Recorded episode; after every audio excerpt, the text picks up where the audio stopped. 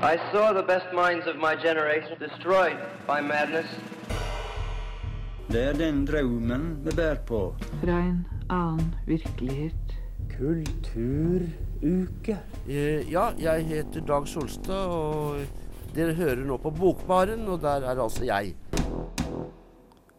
Ja, og du hører nå på Bokbaren, og her er vi i studio for å prate til dere, våre kjære lyttere. Og som programleder i dag så er det meg, Herman, som eh, prøver å ta styringa, og vi har med oss Ingeborg på teknikk. Og Marte på prat. Ja, det er dagens eh, Eller det, det er det vi spiller av instrumenter i dag. Men eh, ja, i dag så skal vi eh, prate om eh, noe veldig spennende. Som vi ikke nødvendigvis pleier å prate så mye om, men som vi har bestemt oss for at det var på tide med en sending om. Og det er lyrikk. Og i dag så skal vi gjøre som Hans Olav Brenner og dele et dikt. Eh, ja, vi har valgt oss ut et dikt hver eh, som betyr noe for oss, eller som vi liker spesielt godt, og tenkte å dele det med både hverandre, men også dere som hører på, da. Eh, og så blir det et felles dikt eh, som Bokbaren eh, deler med lytterne sine helt til slutt. Mm. Så det blir veldig gøy. Det er bare å strappe inn og få en veldig koselig time med oss. Mm. Så straks kommer det flere dikt fra oss her i studio. My name is Ann Carson, and you are listening to The Book Bar. Du hører eh, på eh, Bokbaren, og vi prater om dikt i dag. Og først ut av de Eller først ut til å presentere sitt utvalgte dikt, så har vi Ingeborg. Hvilket dikt er det du har med til oss i dag? Jo, jeg har med et sånn skikkelig eh, tradisjonsdikt. Eh, det heter 'Junikveld' og er skrevet av Hans Børli. Eh, og føler det er et sånt dikt som mange kanskje kommer borti på ungdomsskolen eller videregående. Uh, Hans Børli er jo en veldig anerkjent uh, norsk dikter, som sikkert mange har måttet analysere i, i grunnskolen. Men egentlig en ganske interessant person. Han blir kalt for skogens dikter. Og grunnen til det er at han vokste opp på en liten husmannsplass i Hedmark. Og ble egentlig der resten av livet.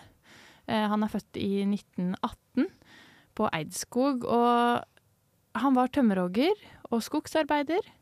eh, og skrev veldig mye om dette i diktene sine. Eh, han eh, har jo dette diktet 'Junikveld', som vi skal høre snart, eh, som blant annet handler om liksom, samspillet med naturen, og kanskje kjærligheten til naturen. Ehm, men han har eh, veldig, veldig, veldig mange dikt som handler om å være spesielt i skogen. Han bruker liksom mye av den kunnskapen sin fra, fra å være skogsarbeider selv ehm, i, i skrivinga. Men det er nok kanskje feil å tro at Hans Børli ble eh, i Hedmark og i skogen fordi han eller det er, sånn, det er veldig romantisk tanke å tenke at han bare ble der fordi han elsket skogen. Og han gjorde jo selvfølgelig det. Men eh, det kommer fram da av eh, etterlatte brev at han søkte også veldig etter liksom noen som hadde de samme interessene som han, da. Andre intellektuelle. Det var kanskje ikke så mange å dele dikt med der oppe i, i Finnskogen, liksom. Eh, så han reiste mye til København og Oslo. Til tross for at han ja, da holdt denne husmannsplassen.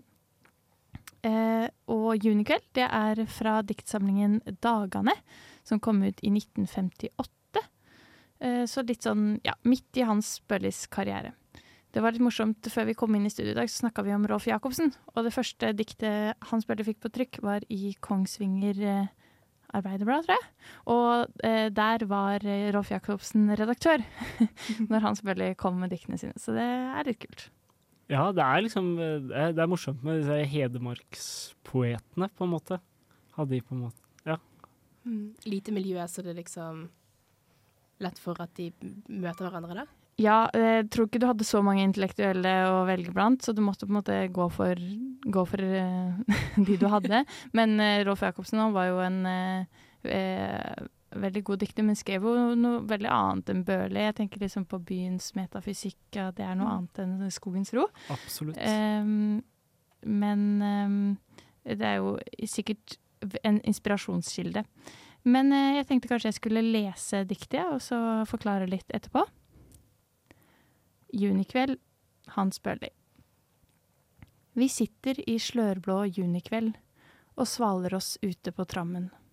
Og alt vi ser har dobbelt liv, fordi vi sanser det sammen. Se skogsjøen ligger og skinner rødt av sunkne skolefalls riker, og blankt som en ting av gammelt sølv er skriket som lommen skriker. Og heggen ved grinda brenner så stilt av nykveite blomsterkvaster. Nå skjelver det kvitt i et pust av vind, det er som om noe haster. Og flytt deg nærmere inntil meg her på kjøkkentrammen, den er så svinnende kort den stund vi mennesker er her sammen. Å, det var fint. Jeg blir nesten litt sånn rørt når jeg leser det, for at det, det diktet her da, det oppdaga jeg egentlig ganske nylig i en podkast eh, som heter 'Ting jeg skulle ønske jeg visste', hvor kjente personer har blitt intervjua om livserfaringer. da. Og der er det en episode med Linn Skåber, som jeg liker veldig godt. Men så leste hun dette diktet, og så var jeg sånn 'Å ja, dette har jeg hørt før', men nå skjønner jeg det for første gang. Og så syns jeg bare det var noe sånn utrolig flott, og så måtte jeg inn og lese det selv, og så tror jeg at sånn, grunnen til at jeg liker det så godt, er at jeg har blitt litt, liksom, med alderen blitt litt sånn eksistensiell. Mm.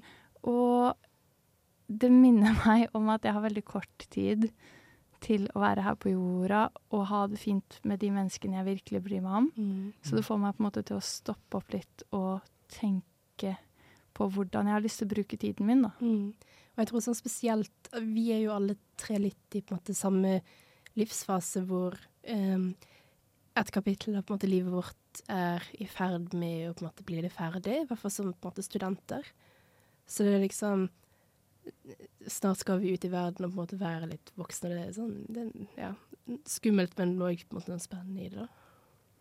Ja, og så er det liksom den herre forgjengeligheten, eller sånn Ja, eh, siste linje av diktet, da, eller Å flytt deg nærmere inntil meg her på kjøkkentrammen, den er så svinnende kort den stund vi mennesker er her sammen. Det får jo meg fort å tenke på foreldrene mine, på en måte, som Mm. skal gå ut av livet før meg. Eh, men jeg føler også at diktet sier noe om viktigheten av å ha noen å dele livet med, da. Og alt vi ser har dobbelt liv fordi vi sanser det sammen. Og det er jo sånne fine opplevelser man har, og kanskje gjerne ute i naturen, at de får dobbelt liv fordi vi sanser det sammen. Mm. Ja, jeg syns at de linjene der er utrolig vakre og rommende av liksom sånn derre kunnskap som faktisk gjelder, da. Sånn derre i bunn og grunn når ting faktisk betyr noe, liksom. Det er jo Mm. det derre eh, mellommenneskelige, det humanistiske, liksom. Det er liksom det som Mm. Ja, vi snakka jo tidligere i dag om hva litteratur kan brukes til, sånn i eh, akademia, da. Men eh, dette kan eh, diktet tror jeg faktisk vi kan lære av. Mm. Stoppe opp, eh, som du sier, hva som faktisk betyr noe. Ta deg eh, tid til å ringe noen du er glad i, eller be de gjerne om å gå en tur, og bare ja, stoppe opp og puste Mm. sammen. Og ta de, ja. Kjenne litt på den nærheten. Ja, jeg tror det var skuespilleren Ethan Hawke som har spilt i en del ting jeg liker, i hvert fall. Before-triologien, for eksempel. Han eh, sa det at liksom Når det skjer store ting i livet, som f.eks. en begravelse eller et bryllup eller en markering, det er da man liksom forstår liksom poesien og lyrikken sin virkelige mening, da. Mm. Og hvor mye den faktisk betyr. Ja, samtidig så føler jeg at vi må slå et liksom, slag for den hverdagslyrikken. Mm. For det er det egentlig Hans Bøhler skriver her om her. Han skriver ikke om en stor eh, begivenhet eller bryllup eller noe. Han skriver om en junikveld på kjøkkentrammen i Finnskogen, eh, og katten svirrer rundt beina på deg, og om det er partneren din eller en forelder eller en venn du er glad i, som bare kommer Sånn som jeg ser for meg, sitter der ute, og så kommer det ut, noen ut til deg. Kanskje dere har stått og tatt oppvasken sammen. Mm. Og så har man bare et sånn sukk av ro der i hverdagen. Mm. Og det er det som på en måte Jeg har det med meg som et sånn mantra, da. At når det blir litt mye, eller når jeg stresser over ting som ikke er noe viktig, så prøver jeg å tenke på dette diktet og bare ta et pust og prøve å skape et rom for denne stunden med noen jeg er glad i, i, ja, i hverdagen. Nei, utrolig fint, og takk for at uh, du ville dele det diktet med oss, Ingeborg. Uh, hi, it's uh, Jakob Mensti, and you're listening to Bookbaren at Radio World. Du hører på oss i Bokbaren, som deler dikt med dere, våre lyttere. Og du delte et veldig flott eh, dikt, eh, Ingeborg. Og du har også med et dikt, Marte. Jo, eh, jeg har tatt med mitt favorittdikt av Emily Dickinson, som er da en av disse eh, store eh, dikterne i den amerikanske kanoen, da, kan du kanskje si. Og eh, fascinerende måte, menneske. Hun em, publiserte ganske lite eh, dikt mens hun levde. Jeg tror det var en ti dikt og kanskje et brev eller noe sånt som ble publisert eh, i hennes levetid. Så det meste av det som vi eh, har tilgang på nå i dag, det ble eh, publisert etter hennes død. Em, da søsteren hennes fant da denne store måte, samlingen av dikt som Emily Dickinson har skrevet. Em, ja, hun levde et veldig isolert liv. eh, giftet seg aldri. Og um, de fleste vennskapene hennes uh, opprettholdt hun gjennom å skrive brev og uh, ha mer en skriftlig en måte, samtale med um, sine venner. Uh, så hun levde veldig alene, og det er kanskje noe som på en måte er litt synlig i samlingen hennes, da. Um, hun er veldig kjent for å skrive dikt om blant annet død og sykdom og kanskje litt sånn fordervelse. Um, kan egentlig dele inn um, hennes dikt i kanskje tre epoker, som da er pre 1861, som igjen er litt sånn sentimentalt, men òg en humoristisk eller satirisk liksom, diktning. Og så har de da 1861 til 1865, som er da hun virkelig har liksom storprodusert og vært veldig Jobbet veldig kreativt. Som da eh, hun virkelig har utviklet eh, disse store temaene som hun skriver om, som natur, liv og så døde. Og så eh, etter 1866 så skrev hun mindre og mindre eh, frem til hennes død i 1860, 1886. Hvor gammel ble hun? Hun ble 55. Ja. Ja. Så ikke så veldig gammel. Um, ja, jeg husker ikke helt hvordan hun døde, dessverre. Det har jeg glemt å lese opp på. Um, men veldig fascinerende kvinne. Jeg kan jo lese diktet. Um, for at, som jeg sa, hun skrev mye om død, som er da litt ironisk at det diktet jeg har lyst til å lese for dere, heter Hope. Som da er et ganske kjent dikt av Emily Dickinson, men jeg liker det veldig godt. Så skal vi se. Hope is a thing with feathers that perches in the soul, and sing the tunes without the words, and never stops at all. And sweet as in the gale is heard, and sore must be the storm that could abash the little bird that kept so many warm. I heard it in chillest land, and on the strangest sea, yet never in extremity it asked a crumb of me. Det var veldig bra. Det var veldig søtt. Eller sånn, eh, ja. Mm. Det er kanskje litt sånn Hvor små og store er vi i en verden? Mm. Mm. Følelse jeg får. Ja, absolutt. For du har på en måte denne fuglkarakteren som da blir på en måte symbolet for håpet, ikke sant? Mm. Em, og det er eh, på en måte sammenligner det, eller på en måte bruker da denne metaforen på en måte eh, sangen, eller liksom lyden av håpet som alltid på en måte synger, alltid runger, men som av og til kan på en måte forsvinne litt i em, personlige stormer, da, når ting på en måte ikke er så bra, eller em, ting er litt vanskelig. Men den eksisterer alltid. Det er bare det at du ikke klarer å høre den. Og det er en veldig um, uselvisk Nei, sel- uselvisk eh, låt, da. Som alltid på en måte er, er der, Mm. og som er ubetinget.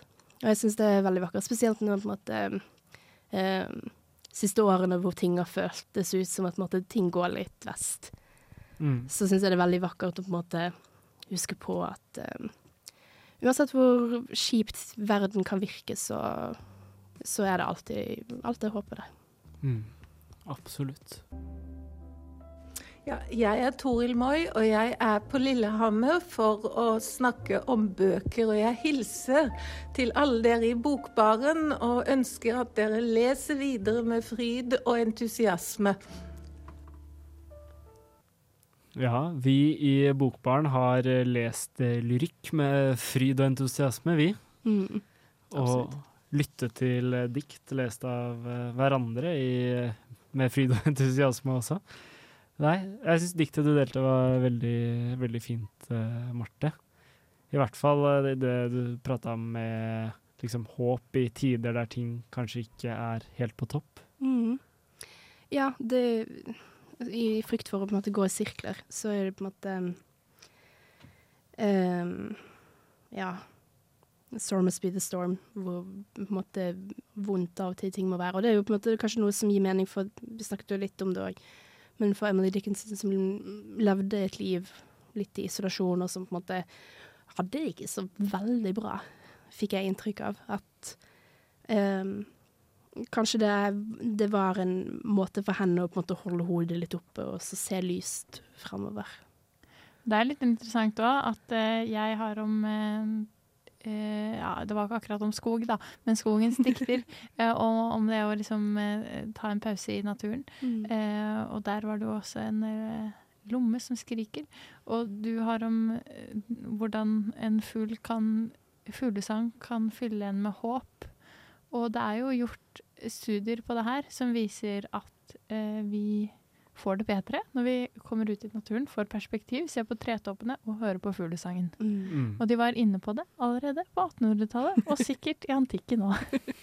ja, men det er jo noe, liksom, det er noe Mm. nesten sånn banalt, ikke sant? Men Mm. det er kanskje derfor det treffer så voldsomt også, fordi det går rett hjem til oss, fordi det faktisk er sant. Mm. Ja, altså det med naturen er jo på en måte noe som er liksom evig, da, og ikke Ja. så tidsbetinget, sånn som alle disse andre tingene. Jeg var nettopp og så den eh, filmen til Margaret Olin, 'Fedrelandet', på kino nå.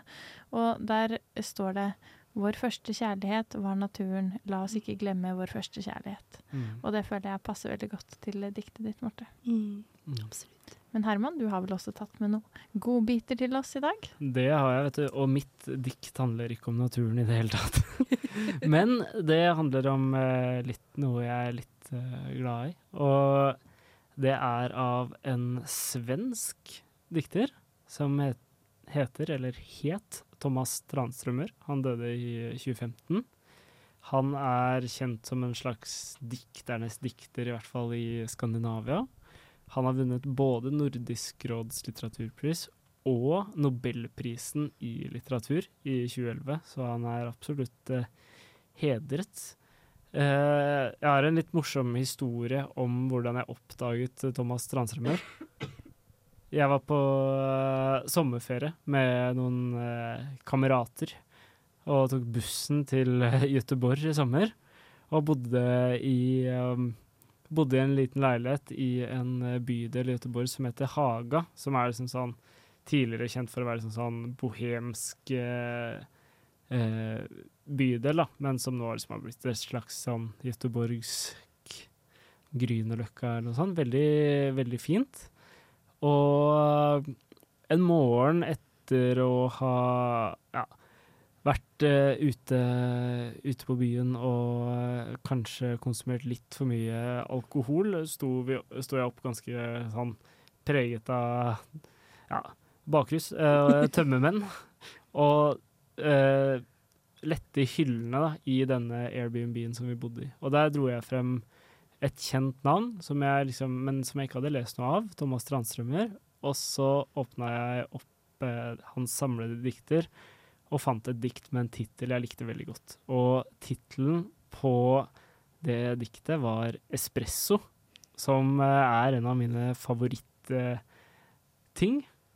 Og jeg har veldig lyst til å dele dette diktet på, på svensk, som, eh, som jeg fant i, eh, i Sverige, da, med dere. Så ja, dette er mitt forsøk på å lese svensk. Absolutt ikke mitt morsmål, men jeg tror det skal fungere. Espresso av Thomas Tranströmer. Det svarte kaffet på uteserveringen med stoler og bord granna som insekter. Det er dyrbara, oppfangede dropper, fylda med samme styrke som ja og nei. Det bærs frem ur dunkla kaféer og ser inn i solen utan at blinka. I dagsljuset en punkt av valgørene svart som snabbt flyter ut i en blek gest. Det liknar dropporna av svart djupsinne som iblant fangs opp av sjelen, som gir en valgørende støt. Gå! Inspirasjon at åpna øgonen. Wow. Det var eh, Ja, det eh, minner meg veldig om et annet dikt du har delt med meg, Herman. eh, som jeg vet du liker veldig godt. Et Bjørneboe-dikt. Mm. eh, om steder på jorden og mat jeg liker. Ja. Eh, og der òg handler det om eh, herlige matopplevelser og et dy dypt tungsinn som preger forfatteren. Eh, Det er jo litt det jeg får følelsen av her også. Det er en sånn kunstnertype som ikke har det så bra alltid, kanskje. Ja. Men jeg liker hvordan eh, Jeg tenkte veldig på den espressoen som et sånn eh, eh, tegn for det italienske språket. Med den Mm. setningen at det kunne romme de harde eh, sannhetene eller stavelsene som ja og nei. Mm. Eh, for det tenkte jeg veldig sånn Det italienske språket er veldig sånn Selv om det er et kjærlighetsspråk, så kan det også være veldig sånn eh, brått, da, eller mek sånn mektig. Ja, jeg, for, for meg, ja, så det med ja og nei, for meg så leser jeg det liksom som at kaffen blir som en bilde på en sånn slags eh, dualitet i livet, liksom. Mm. Både for liksom alt det, liksom, de svarte, det bitre her i livet, men også liksom de søte øyeblikkene. På en måte de fine tingene. Mm. Så det er liksom Det kan være både og, da. Sånn, det er en, et, ja, noen strofer her i diktet som er sånn Det bærs frem ur dunkla kafeer, så det bæres frem i liksom, mørke kafeer. Og så Og ser inn i solen uten at blinka. Så det er liksom sånn Det er liksom Det kommer ut av det mørke, men inn i det lyse, og som Mm. bærer på begge deler, da. Litt sånn, altså, på en måte, ja, sånn som du sa, på en måte kaffe som noe bittert, men det er òg en veldig på en måte, viktig institusjon i det mellommenneskelige. Altså sånn, Hvem er det ikke som sier at «Å, skal vi møtes over en kaffe for å på en måte catch up, eller på en måte litt der Mm. Noe bittert som på en måte noe som drar mennesker sammen. Ja, og spesielt på svensk, da, som har det fantastiske ordet å fika. Mm. Ja. Og møtes for å drikke kaffe sammen. Mm. Ja, og det er jo Ja, det er liksom det. Og det er, sånn, det er jo et ufattelig hverdagslig dikt, liksom, som handler om noe som er liksom veldig sånn vanlig, i hvert fall i den skandinaviske kulturen, eller den nordiske kulturen. Sånn Norge, Sverige, Danmark og Finland er jo de landene i verden som konsumerer absolutt mest kaffe per, per capita, men, eh, men ja.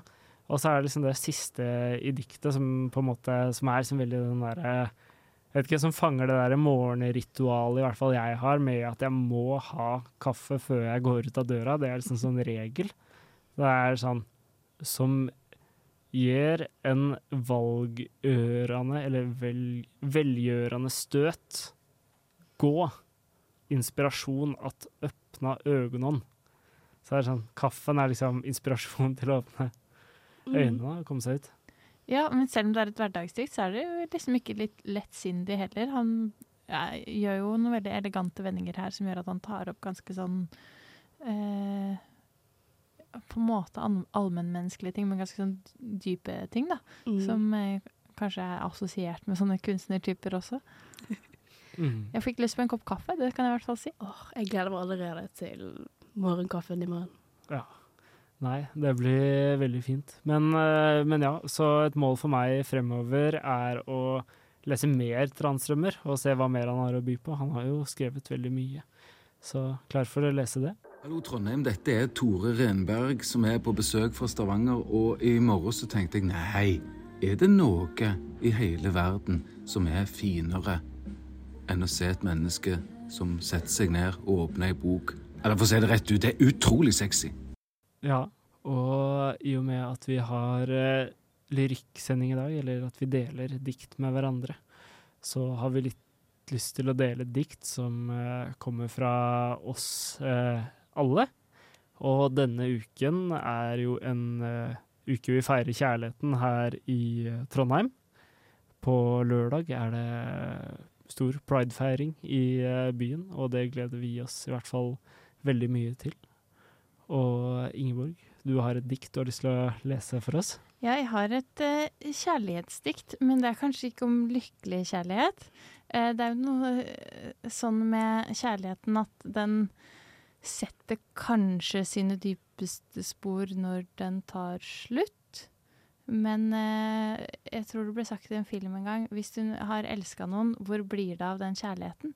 Og Det syns jeg kan være en fin tanke å ha med seg når vi leser dette diktet. Det heter 'Avskjed' av Inger Hagerup.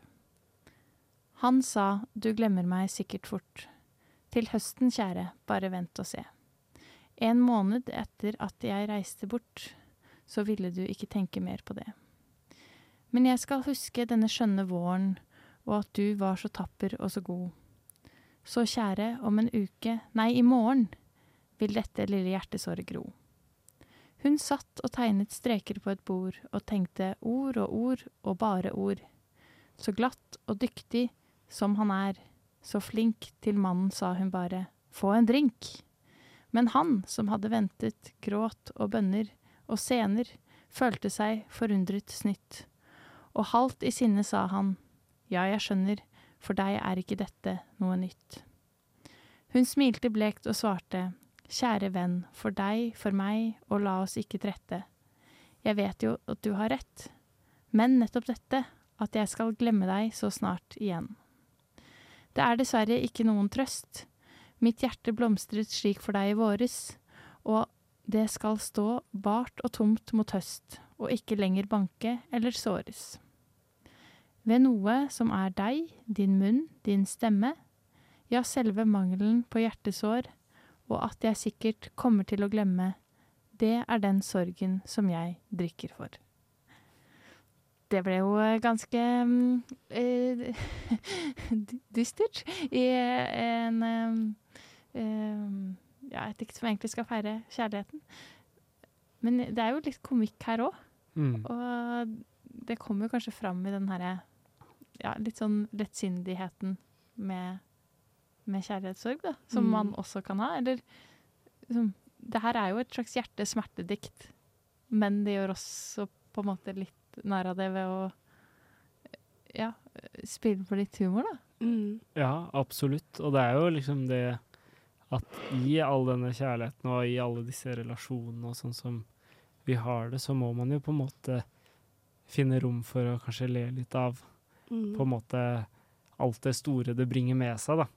For det er jo litt sånn at når noe på en måte er veldig stort og gravalvorlig, liksom, Mm. så må man på en måte kunne finne humoren i det for å gjøre det litt mer menneskelig og tilgjengelig, mener i hvert fall jeg. Ja, det kan bli på en måte litt sånn altkonsumerende hvis man på en måte lar jeg vet ikke, sorgen ta litt over, da. Så det er litt sånn noe befrielse i å på en måte finne humoren i det, antar jeg. Mm. Så hvis du som hører på har en litt kjip høst, finn fram Inger Hagerup og les deg til trøst. Mm. Og godt sagt. Absolutt. Kjærligheten må både feires og sørges over og les av. Mm. Og vi i Bokbaren er veldig for kjærlighet, i hvert fall. Kjærlighet mellom alle mennesker.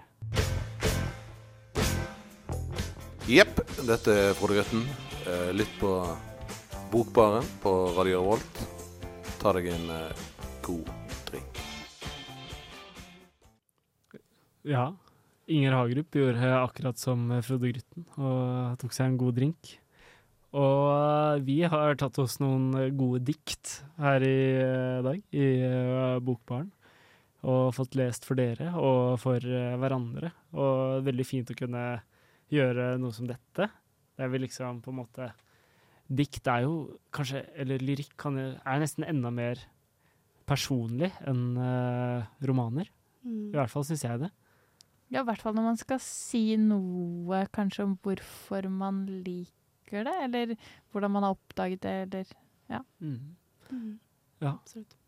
Men har dere noen andre favorittdikt dere har lyst til å dele med våre lyttere, eller gi noen tips om ting de kan lese? Jeg tenkte å tipse om vår eh, broderpodkast, det er kanskje feil ord, men eh, Brenner deler dikt. Der er det en episode um, med Mattis Herman Nyquist, hvor han deler et André Bjerke-dikt. Um, Scenen mot ruten, dikt i natten, heter det diktet. Og det handler om uh, André Bjerke og hans fetter uh, Jens Bjørnboe. Og det er bare så vakkert dikt. Og den episoden også, hvor Hans Olav Brenner og Mattis Herman Nyquist snakker sammen om dikt, og deres vennskap er også veldig fint. Mm. Hva med deg, Marte? Oh, um, jeg tenker at nå er det uh, pride-uke her i Trondheim. Og da kan du jo alltid uh, plukke opp uh, the original uh, eh, skeive eh, lyrikere. Så noe Sappho-dikt. Veldig mange fine som eh, man kan finne på det store internettet. Eh, det vil jeg virkelig anbefale dere også å sjekke ut. Mm.